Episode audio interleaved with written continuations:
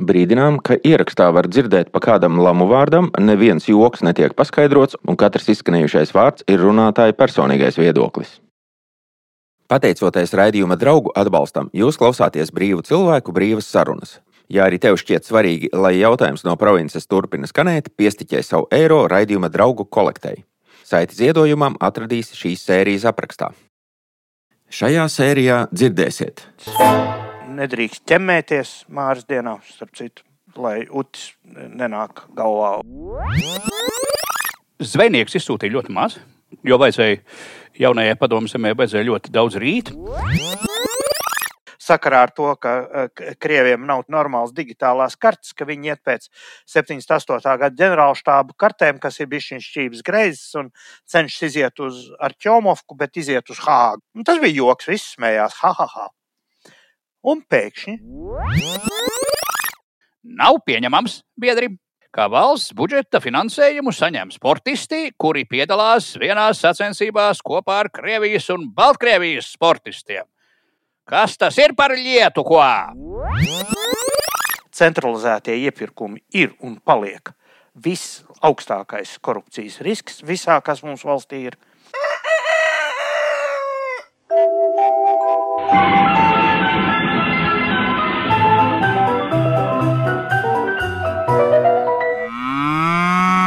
Jautājumi īsi provinces. Ja? Jā, jautājumi Aha. no provinces. Dzintris un Mārcis dzīvo laukos, bet nevar palikt vienaldzīgi pret valstī notiekošo. Ir ļoti svarīga nedēļa bijusi pagājusī, un šī mēs pēc kalendāra esam svarīgā brīdī. Ja? Tā tad eh, pagājušo nedēļu piekdiena bija ģertrūdas diena, vakar jums, nākotnes cilvēki, kas trešdienā klausās, vakar bija Benedikta vai Bindu diena, saukts arī par Bendiku, kas ir kukaiņu un kustoņu dienas. Un ir notikusi pārēja uz gada gaišo pusi, pavasara ekvinokcija, nu, kas ir vecā saules kalendāra lielā diena.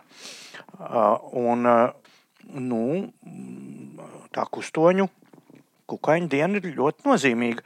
Eh, es paņēmu savu mīļāko spēļmantiņu, tātad Latviešu konversācijas vārdītes desmitais sējums, un ja mēs tur paņemam par kukaiņiem, tad kukainis parādās 18, 778 lejā, un tad ir vēl viena lapa, vēl viena lapa, vēl viena lapa, vēl viena lapa, vēl viena lapa, Un tad tur, protams, ir kukaiņa, kukaiņa attīstība, kukaiņa dienas, kukaiņa dzēlieni, kukaiņa, kukaiņa cilvēku labākie draugi. Kukaiņa fauna Latvijā, nu, kukaiņa periodiskums līdz pat kukjūra šauram. Sešas lapus pa kukaiņiem ir.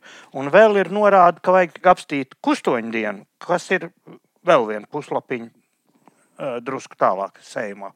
Tas ir kukaiņu dienas tradīcijas ir milzīgas tas saistās ar īsto dabas atmodu. Un uh, tie, kuri interesējas, kā tas vēsturiski bijis, es tiešām iesaku konversācijas vārnīcu uzšķirt. Tur ir, ko nedrīkst, ko drīkst darīt. Gertrūdes dienā nedrīkst kāpostus aiztikt, lai spraģi viņus neaiztiek. Nedrīkst ķemmēties māras dienā, starp citu lai utis nenāk galvā. Un piedāvām tās kukaiņu dienas ir ne tikai Benedikts un Gertrūde un Kapostmāra, bet arī visas dienas tajā nedēļā, un otrdienas un piekdienas tajā periodā. Tas ir uh, tie ierobežojumi un padomi, kas notiek dabai mostoties, ir izsenis bijuši zināmi, un es to atcerējos šo piekdienu. Tieši ķertrūdas dienā bija ceļu policijas postenis pie senču veikala. Nu, kas ir apdzīvota vieta vārps, man tuvākā bode. Viņi pa ziemu tur nav. Viņi tā kā izlien no šķirbām, tā tad nu, uz to kukaiņu uh, kustēšanās laiku. Un, uh, tā tāda skaidra pazīme, un starp citu mūsu karstmīļotais finanšu ministrs Arvils A.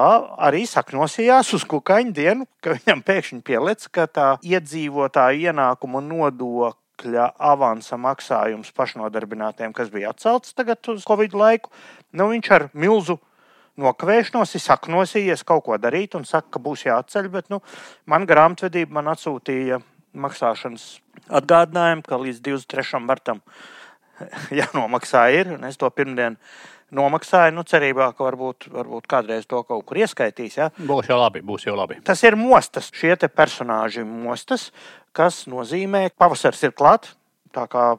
Es paļaujos uz dabas rituma, tautas uztveres veselīgumu. Tās tradīcijas ietver sevī kaut kādu dzīves gudrību, ko arī iesaku citiem piedomāt. Pie tā. Jā, nu tur tā lieta, ko es gribu te pie, pieminēt, ir droši vien, ka ne Mārnē Kukaiņiem nebija sakara tai operācijai, kura saucās laikam Riboja, jeb Krasta Banga. Uh, par eh, kulāku bandītu, viņu aizstāvētāju un dažādās organizācijās sastāvošu cilvēku izsūtīšanu no Baltijas valstīm. Tur gan esot bijis cits iemesls. Igaunijas kompartijas pirmais sekretārs esot raportējis Staļinam, ka vajagot visu to lietu tikt galā līdz sējai. Nu, un vai viņam tur Staļins klausīs, vai tam bijuši savi nodomi, bet uh, ap 25. mārtu, tātad, ja nemaldos, 44,000 tika izsūtīti trijās tajās kategorijās, ko es te neformāli garām ejot pieminēju. Un, nu, visi zina arī, ka es nodarbojos ar tādu hobiju kā pārgājienu organizēšanu. Mums ir 25. martā tieši, un tad es drusku paskatījos. Um, nu, kādas tad šīs izsūtāmo mājas ir tajā mūsu ceļā, un tur ir daudz interesantu stāstu, ko es gribu rosināt, mēģināt atrast un parakt pašiem, un tad rodas daudz interesantākas lietas. Mm, starp citu, jā, mums te daudz pieminētājā kuivižu veikalā arī ir bijuši izsūtītie, bet eh, tas gan attiecas uz visu šo mūsu reģionu, tādu kulaku. Nu, kas atbilst šim jēdzienam, respektīvi, bagāts, pārticis zemnieks, Tādi gandrīz vai šeit izsūtīti nav. Ir divas kategorijas. Pirmkārt, cilvēki, kuri acīm redzot, ir bijuši pirmkārt aizsargu organizācijā. Otrakārt, ļaudis, kas tika izsūtīti no Kuiviža veikala, tad, tad uh, tur tas kungs ir bijis diezgan liels priekšnieks skautu un gaidu kustībā.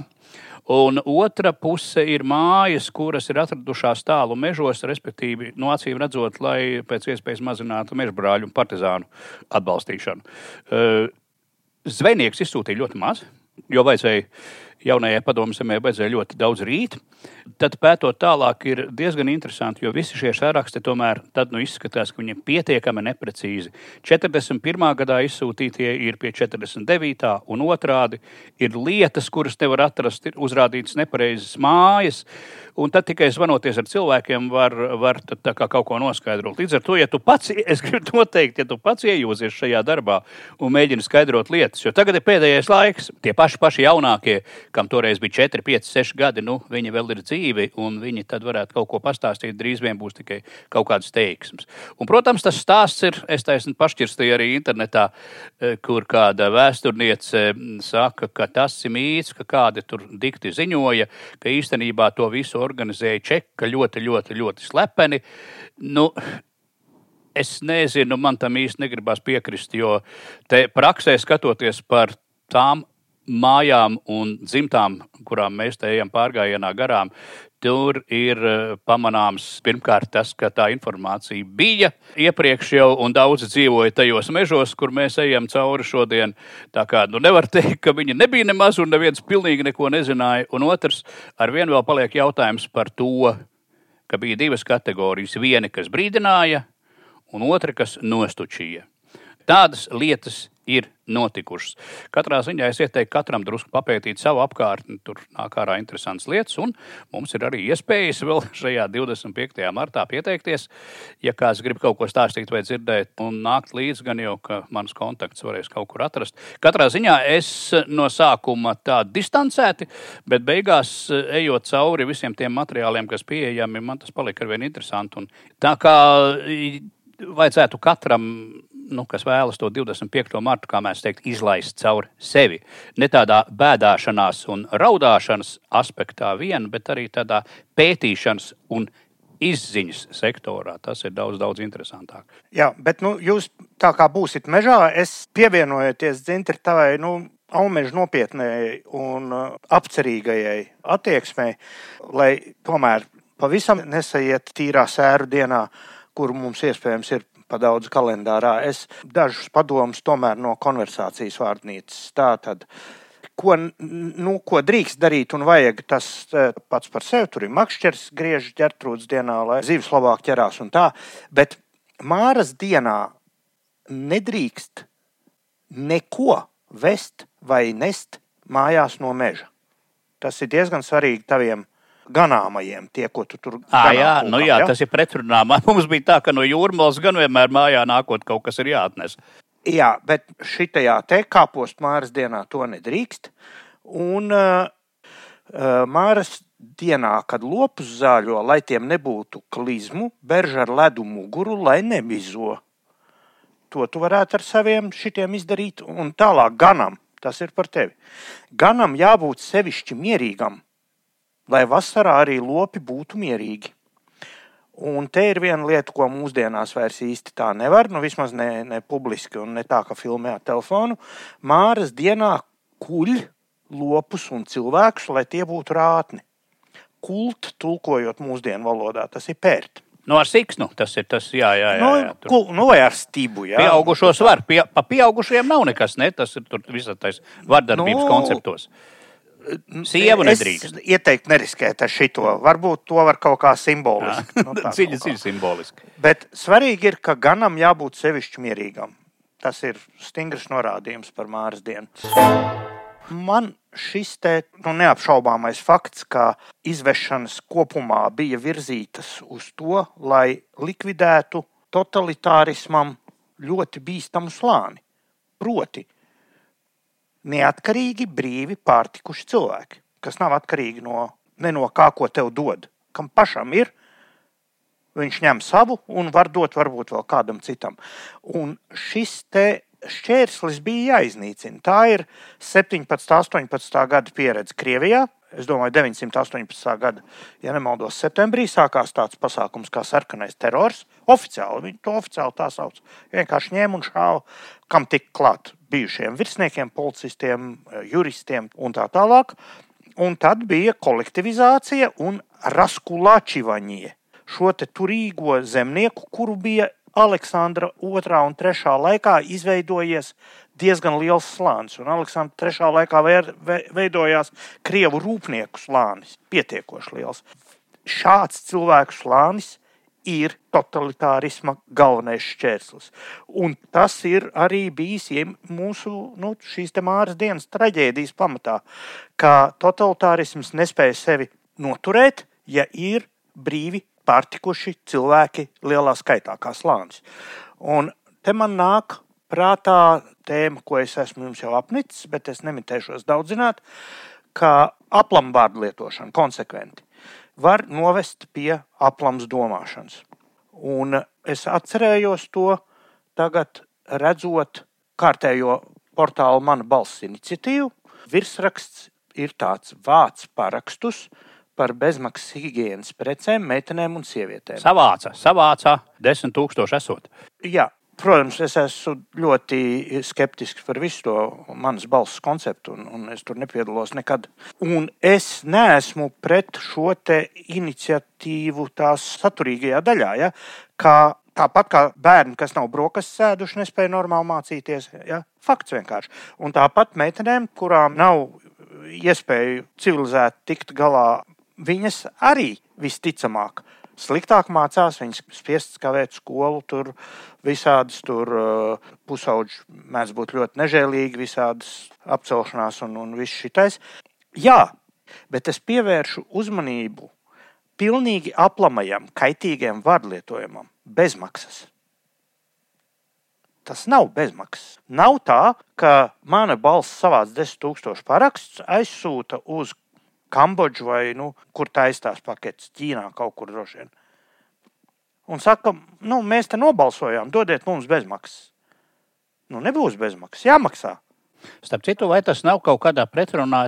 Nu, droši vien, ka nav. Ja jau reiz aptauja ir gājusi, eh, tur viņiem bija kaut kāda atruna, kas tas, kas skar valsts budžetu vai, vai kaut kā tā, ka nu, nevar, nevar ielikt balsošanu par to, ka visiem pacelt algas, teiksim, tur skolotājiem pa tūkstoti mēnesī katram. Ka tādi balsojumi netiek veikti, bet šitais jau ir skaidrs, skaidrs balsojums par valsts budžeta nepieciešamību atvēlēt dotāciju šim Tā tad Pareizs vārdlietojums ir piemēram brīvpusdienas. Viņas nav bezmaksas. Viņas apmaksā attiecīgās Vai pašvaldības. apmaksātas pusdienas? Jā, viņas ir brīvpusdienas. Saņēmājam tās ir par brīvu, bet sabiedrībai par to ir jāmaksā. Nav bezmaksas pusdienu un nav bezmaksas higiēnas preču. Starp citu, tas, kas tagad kukaiņu dienās izkustējās, Nīla Ušakauta tur jaunā krimināla lieta, kur tēma ir transporta atvieglojumi zināmām transporta lietotāju kategorijām Rīgas pilsētā. Lietotājam tas ir par mazāku maksu vai it kā bezmaksas, bet tur apgrozās miljoni tikai sarunās vien. Tas bezmaksas ir visdārgākais sabiedrībai. Un uh, mana personīgā pārliecība ir, ka kopumā aizvien paplašinot visāda veida tā saucamās bezmaksas, tas ir ceļš pa priekšu uz attīstītu sociālismu, tālāk uz komunismu un tālāk uz konsulāģeriem. Jo pienāk brīdis, ka kāds negrib brīvprātīgi maksāt, un viņš uz to ir jāpiespiež. Ja? Proti, normālais veids ir, ka jānodrošina, ir, ka pārtikušā sabiedrībā ir tāds ienākumu līmenis, ka nekādi šādi bezmaksas centralizēti iepirkumi nav vajadzīgi. Jo, kā mēs zinām, sākot ar un beidzot ar, centralizētie iepirkumi ir un paliek visaugstākais korupcijas risks visā, kas mums valstī ir. Tas ir veids, kā piespiest cilvēkus būt paklausīgiem varai. Atcerieties, Siguldā brīvpusdienas, kuras Siguldas jaunais progress, nu, viņš skaitās nacionāls laikām, ja tas Siguldas mērs, kurš ieteica atņemt brīvpusdienas tiem, kas tur nodokļus kavē. Proti, tu dod, tu vari ņemt, un tas, kurš saņem un nespēja nopirkt, nevar runāt pretī. Tas ir ceļš uz totalitārismu. Savukārt, kā jau mēs to tikko iepriekš Māras dienas kontekstā izrunājām, ja cilvēks ir pārticis, pašpietiekams un spēj sev sagādāt bērniem un mazbērniem brokastis, visu vajadzīgo skolai un visu saprātīgu atpūtai, tad viņu šādi nelietīgi pilsētu mēri nevar ietekmēt. Tur ir tā lieta. Un ja mēs gribam tikt pie pilsoniskas sabiedrības, kura pati spriež sakarīgi par to, kā tai izmantot savus kopīgos līdzekļus, proti, budžetu, mums ir jāgādā nevis, lai būtu aizvien vairāk šādu bezmaksas lietu, bet skatīties, kas notiek aplami, kāpēc mums ir vajadzība pēc saucamajām bezmaksas, īstenībā maksas un ļoti dārgām iniciatīvām. Man ir arī stāsts no visādiem papīriem, ko es te pie kuģiņa veikala, kā bieži vien gadās par kādu botsmaņālu, dabūju apskatīties, kurš arī nu, būtībā ir tas, ko sauc par pabalstiem. Nu, kaut kāds naudas apjoms, ko piešķirt laikam cilvēkiem, kuriem ir grūta dzīve. Un tad viņi iet ar papīriem agrāk uz izpildu komiteju, tagad uz novadu, un, un tad novadā pēta, nu, ka viņiem tad nu, pienākās pabalsts. Pabalsts parasti nav liels, tad par to pērk, ko nu katrs dažs makaronus, cits botsmaņa alu. Un tad, ja viņu tur daudz redz, tad, tad varbūt to pabalstu ņem nost. Citus pabalstus ņem nost arī citādākā vīzē, bet dažreiz sagadās tā, ka īsti nevar saprast, vai pabalsts ir tā kā jāņem nost vai jādod atpakaļ. Viens tāds interesants manevrs notika nu pat februārī, martā ar profesionālo sportistu pabalstiem. Nu, valsts atbalsta sportu, un tas viss ir labi. Bet, protams, blakus mums ir okupantu izraisītais karš Ukrajinā, kas ienes savas korekcijas, un dažreiz tās korekcijas kļūst neizprotamas vai, vai daudziem strīdīgas. Ko no es te daudz mūldēšu? Stāsts ir par to, ka jau februāra beigās izglītības un zinātnes ministre Čakša intervijā televīzijā pastrīpo. Nav pieņemams, biedri, ka valsts budžeta finansējumu saņem sportisti, kuri piedalās vienās sacensībās kopā ar Krievijas un Baltkrievijas sportistiem. Kas tas ir par lietu, ko? Un jā, skatoties televizorī, Latvijas Olimpiskā komiteja drīz vien 7. martā valdes sēdē eh, lemj par finansējumu pārtraukšanu riteņbraucējiem Skuiņam un Neilandam, tenisistei Aļonai Ostapenko un vēl divām tenisistēm, kuras vēlāk šajā stāstā tur nu, nolaists nost. Un mēs viņus droši vien vairāk nepieminēsim, bet eh, svarīgākais ir pats notikums un tā gaita. Tā tad 7. Eh, martā lemj, ka viņiem to finansējumu pārtrauks, bet jau 15. 15. martā. Viena nedēļa un viena diena ir pagājusi, kad Izglītības un zinātnes ministrija tomēr ir mainījusi viedokli un nodrošinās pilnu finansējumu Latvijas Olimpiskās vienības sportistiem Ostāpenko, Skuiņam un Nēlandam, kuri ir piedalījušies šajās iepriekš minētajās sacensībās kopā ar Krievijas un Baltkrievijas sportistiem. Nu, jāsaka, ka nevelti ministrs kundze tajās februāra beigās skarbi izpaužas. Nu, kā ņems nost. Jo redzi, 15. februārī ir noslēgts tāds interesants izglītības ministrijas un Latvijas Olimpiskās komitejas sadarbības līgums. Tas pārēdz valsts budžeta līdzekļus nepiešķirt sportistiem un sporta darbiniekiem, ja tie piedalās sacensībās, kurās piedalās arī Krievijas vai Baltkrievijas sportisti. Valdes sēdē ir konstatēts, ka šāmie ir piedalījušies jā, komerces sacensībās ar abu valstu sportistiem. Viņiem tātad ir apturēts šis Latvijas Olimpiskās vienības ikmēneša pabalsts par februāri. Cik tas ir? Jeļenai Ostapenko 1700 eiro, Tomam Skuiņam 300 un Kristam Nēlandam 200 eiro. Te ir jāteic, eh, draugi, kā augstas klases sportisti, kuri tēmē jau uz Olimpiskajām spēlēm, viņi jau saņem vēl citas visvisādas valsts naudiņas. Uz tām neatiecas ne tādi, ne šādi aizliegumi. Runa ir tikai par šo pabalstu. Nu, kurš ir tāds pabalsts, nu, lai nezinu, cilvēks varētu nopirkt ēst vai tam līdzīgi? Ko par šo saka sportsmeņi paši? Ostāpenko ir norādījusi, nu, zin, zin, zinot šīs šarpās dāmas, teiksim, izpaudumus, varbūt viņa vēl kaut ko teica, bet medijos oficiāli var lasīt, ka viņa nu, ir šīs situācijas ķīlniece bez jebkādām kontrolas svirām savās rokās.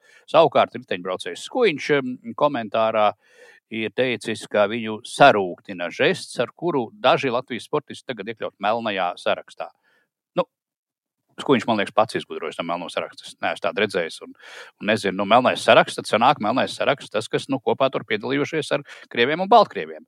Un te ir vietā, nu, man šķiet, vismaz es te ieliku to, kas latviešiem, nu, un arī visiem citiem patīk visvairāk. Proti, ielūkoties otrā maciņā, konkrēti Jeļenas Ostapenko maciņā. Nu, cik tas pabalsts viņai tad, nu, tā kā dzīves nozīmīgs.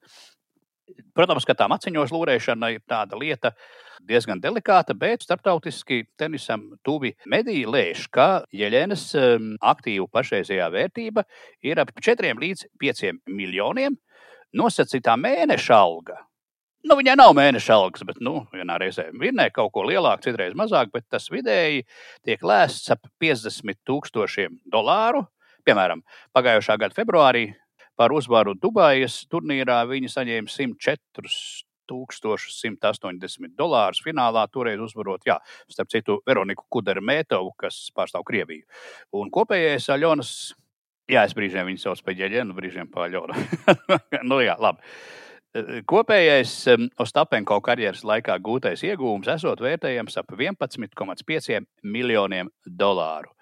Maciņu veram ciet un atgriežamies pie temata Atceroties, ka viņas pabalsts e, šeit bija noteikts 1700 mēnesī. Nu, lūk, Olimpiskais lēnieks uzsver, ka valsts līdzekļu izmaksā nu, tagad ir gan pārtraukta, bet var tikt atjaunota pēc konsultācijām ar Izglītības ministriju. Un patiešām, kā mēs jau te iepriekš e, noskaidrojām, paiet nedēļa, un 15. martā ir ziņa, ka ministrija pārdomājusi un tomēr nodrošinās to naudu sportistiem Ostapenko, Skuiņam un Neilandam. Esot izvērtēti apstākļi, uzklausīti riteņbraucēji un tenisa savienība, un tad nu, ir sagatavoti grozījumi tajā līgumā par valsts finansiālo atbalstu Latvijas Olimpiskās vienības sportistiem.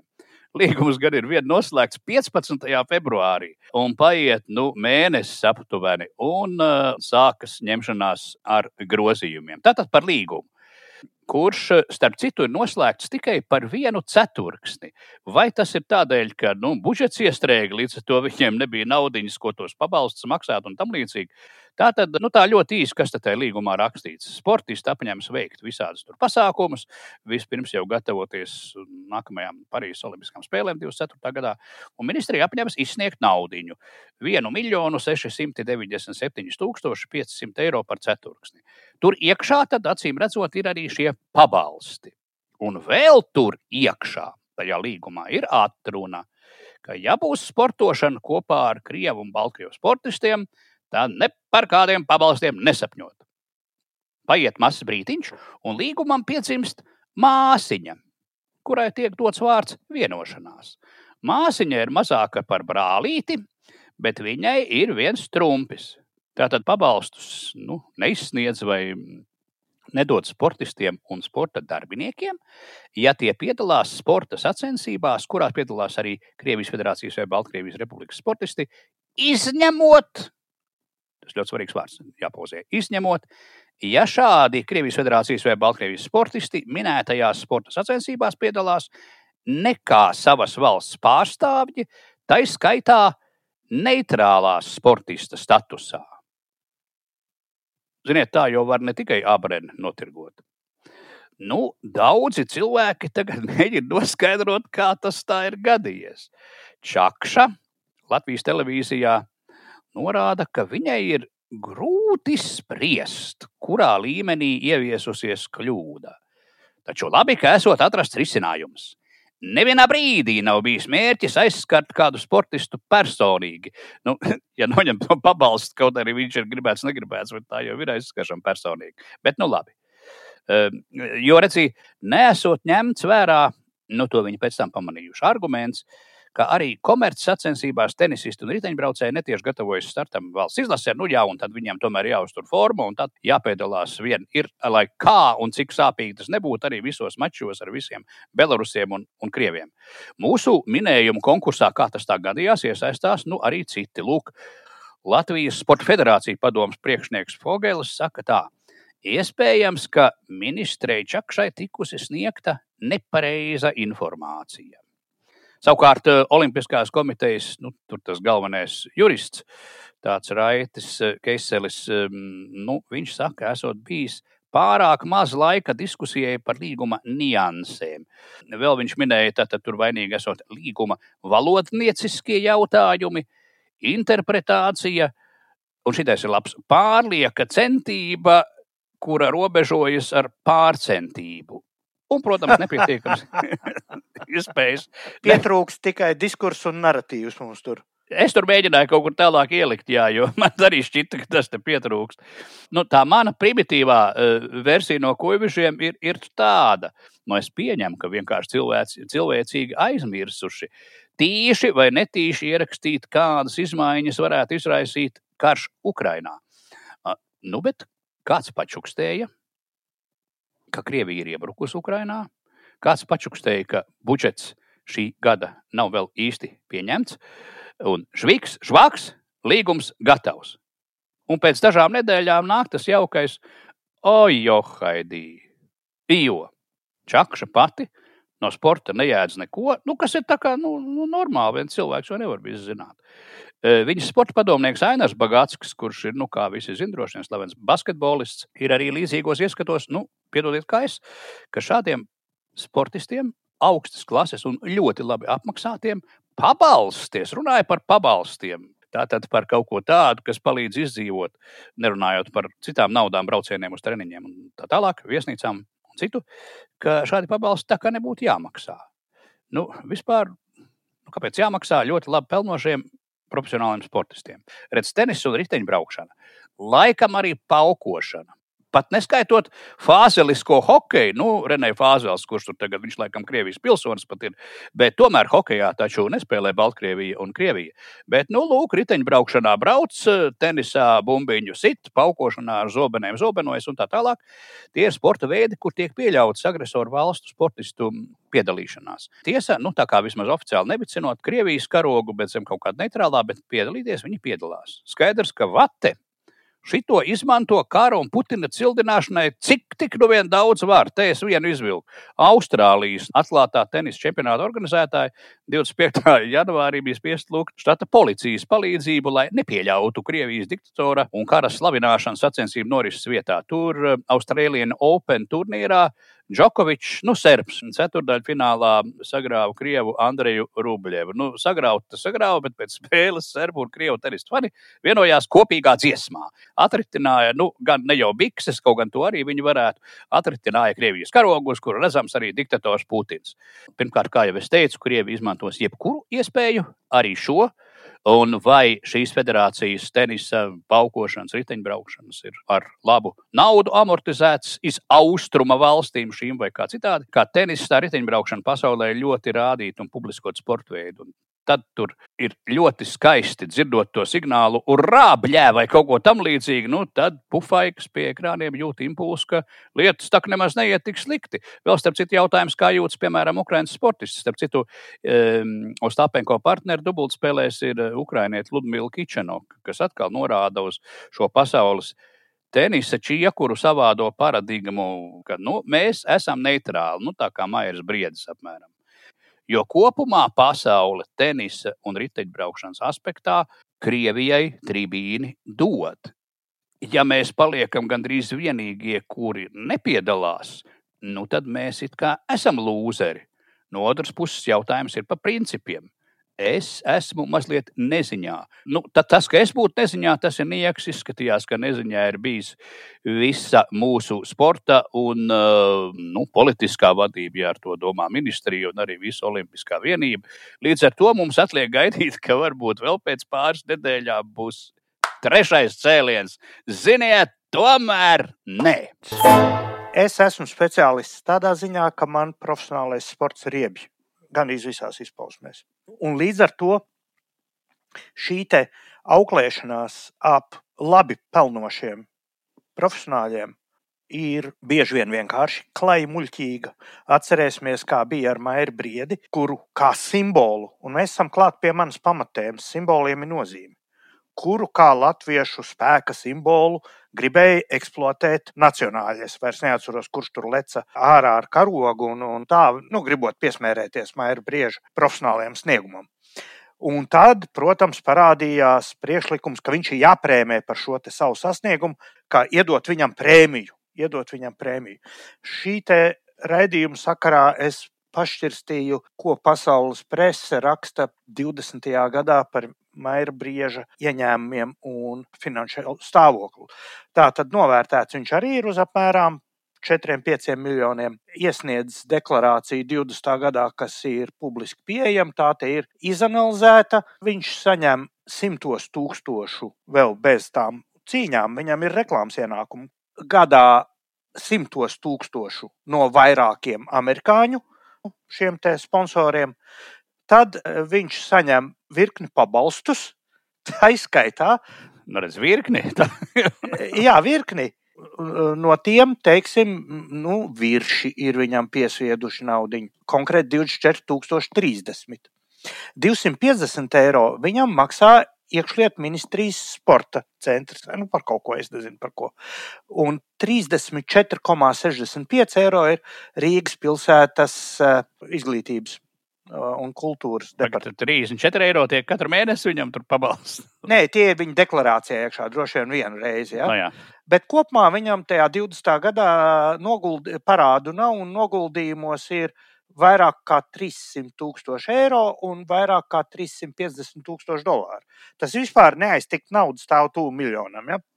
Un tad izlec kāds, kurš saka, šim vajag iedot prēmiju vēl tur kaut kādus tūkstošus. Ja? Cilvēki mīļie, tas ir absurds, tas ir stulbums. Profesionāļi var saņemt atzinību par simbolisku sniegumu. Un tāpēc Ostāpenko, es saprotu, pabalstu formā to tā sauc par pabalstu, laikam, lai nebūtu nodoklis jāmaksā. Es jā, jā, jā, jā, tā ir. Uh, par simbolu, par to, ka viņa ir Olimpiskajā komandā. Tas ir simbols. Viņa to pilda, Un tad nu, tur ir jautājums, to maksāt, nemaksāt. Simboliem ir nozīme. Un Mairim Briedim, ja nu šausmīgi gribēja tie nacionāļi, nu, kā atzinību varēja iedot tur zālamana raksturulli vai, vai e, kādu šito medāli izkaut, vai pat varbūt ordeni varēja iedot, ja, ja uzskat, ka tas to vērts. Bet ne jau naudu, kas viņam nav nemaz nozīmīga, bet kas mums ir vienmēr no, no naudas, kuras nav. Ja? Tas ir absurds.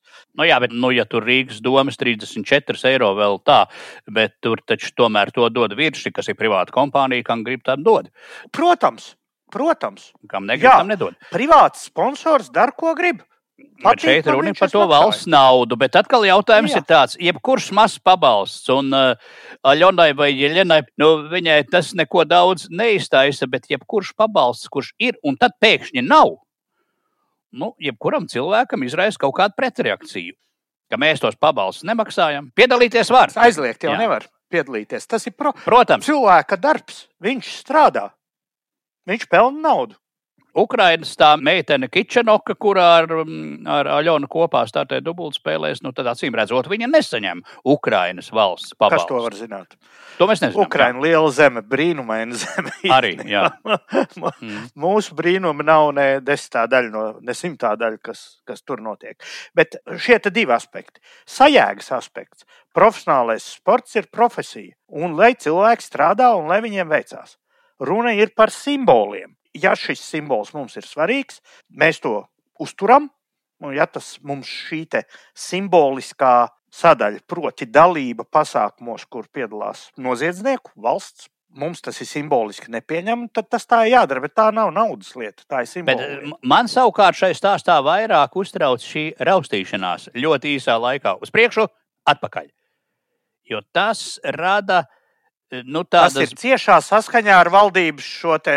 Uh, nu, kā lai saka, izlasām valdības deklarāciju, jā, ka viņiem viss ir tur strateģiski un uh, vēl tur pīlēntās gudrības par diagonālo un, un horizontālo plānošanu, un viss būs tā saplānots, tā saplānots. Mans novadnieks Rungainis kaut kā tā bija teicis, ka valsts zābaks min lēni, bet neapturami. Nu, tad arī tas valsts zābaks tad varēja mīt. Vislabāk ministram, nu, tomēr ir pieņemt kaut kādu lēmumu vienu reizi, nevis pēc mēneša mainīt. Starp citu, līdzīgi tas ir tas pats, ko mēs te jau ierunājamies par to pašnodarbināto cilvēku nodokļu avans maksājumiem. Ka, jā, nē, Un tad tas rada bāžas, ka tā valsts um, kaut kādā riskantā brīdī var uh, ne to vien izdarīt. Ar to, ar to avansu maksājumu ir sevišķi kuriozi, jo pēkšņi tas bija noticis.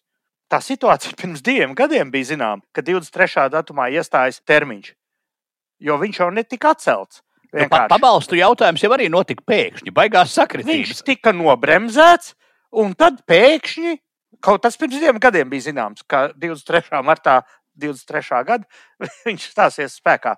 Bet tas ir pēkšņi. Un tad ministrs ģērtrūdas dienas kukaiņu kustināšanas rezultātā izkustās, bet nu, līdz māras dienai to nokārtot loģiski nevar pagūt, jo tur tiešām jāskaņo. Tā, tās bāžas ir, tā, tā sāpe ir, ka teiksim, pēkšņi var kaut ko tādu pieņemt, ko nav tik viegli vairs atņemt atpakaļ. Nu, tā, tādas lietas var notikties. Ei, šitie jebko var. Viņiem nav kauna. Šai valdībai nav kauna. Tā, tā nav problēma. Nu, tagad nē, tā kaut kā pakaļ. Ne, viņiem nav nekādas nērtības. Tic man. Mīļie draugi! Aicinu spirdzinošā pārgājienā pa kontrabandistu takām Kuivižu pusē. Čāposim pa maz staigātiem jūras, mežu un purvāģu nostūriem.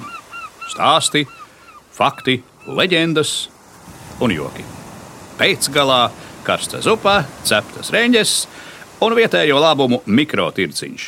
Piesakies pārgājienam manos Facebook un Twitter profilos. Būs forši! Es par vēl vienu pēkšņu, pēkšņu notikumu, un tiešām pēkšņu, un tiešām ļoti simbolisku. Un tas ir Hāgas starptautiskās krimināla tiesas izrakstītais papīrs, vārdā aresta orders, starptautisks aresta orders, kas ir spēkā 123 pasaules valstīs. Viņš nav spēkā Krievijā, viņš nav spēkā, kas ir interesanti un raksturīgi Amerikas Savienotās valstīs, viņš nav spēkā arī Ķīnā. Ja. Krievijā nav tā, ka ir parakstīts, bet nav ratificēts, manuprāt. Nu, jā, nav svarīgi, bet ja nav ratificēts, tad tev tas neuzliek juridiskus pienākumus. Ja. Tā, tāda situācija. Tā tad par to Hāgu visu laiku bija tā, nu, tāds mēms, tas bija tas tā kā joks.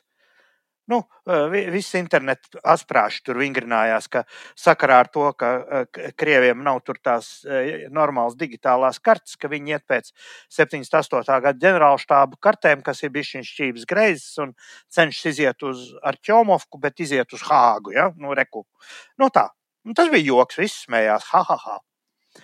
Un pēkšņi šis te mēms pārvēršas par ļoti spēcīgu simbolu, jo šī apsūdzība ir uh, nu, īstenībā juridiska. Tas ir ļoti spēcīgs simbols. Un simboliem ir nozīme, un tagad, nu, kā tas attīstīsies, tas varētu būt ļoti interesanti vērojams. Jūs, nākotnes cilvēki, droši vien esat jau informēti par Ķīnas lielā priekšsēdētāja Maskavā sasniegto, bet, nu, principā viņam ir jātiekas ar cilvēku, kurš ir iezīmēts apmēram tāpat kā Momars Kadafī vai, vai, vai citi kādi slepkavnieki. Ja? Valsts prezidents, laikam, viņš ir ceturtais, kam ir šī recepte izrakstīta. Un, un tas Sudānas prezidents, tas tomēr vaņģo pa Āfriku apkārt, un viņu neviens tur nearestē pārāk. Ja. Kā ies šeit, kā šie notikumi attīstīsies no simbolu viedokļa, ir ļoti interesanti.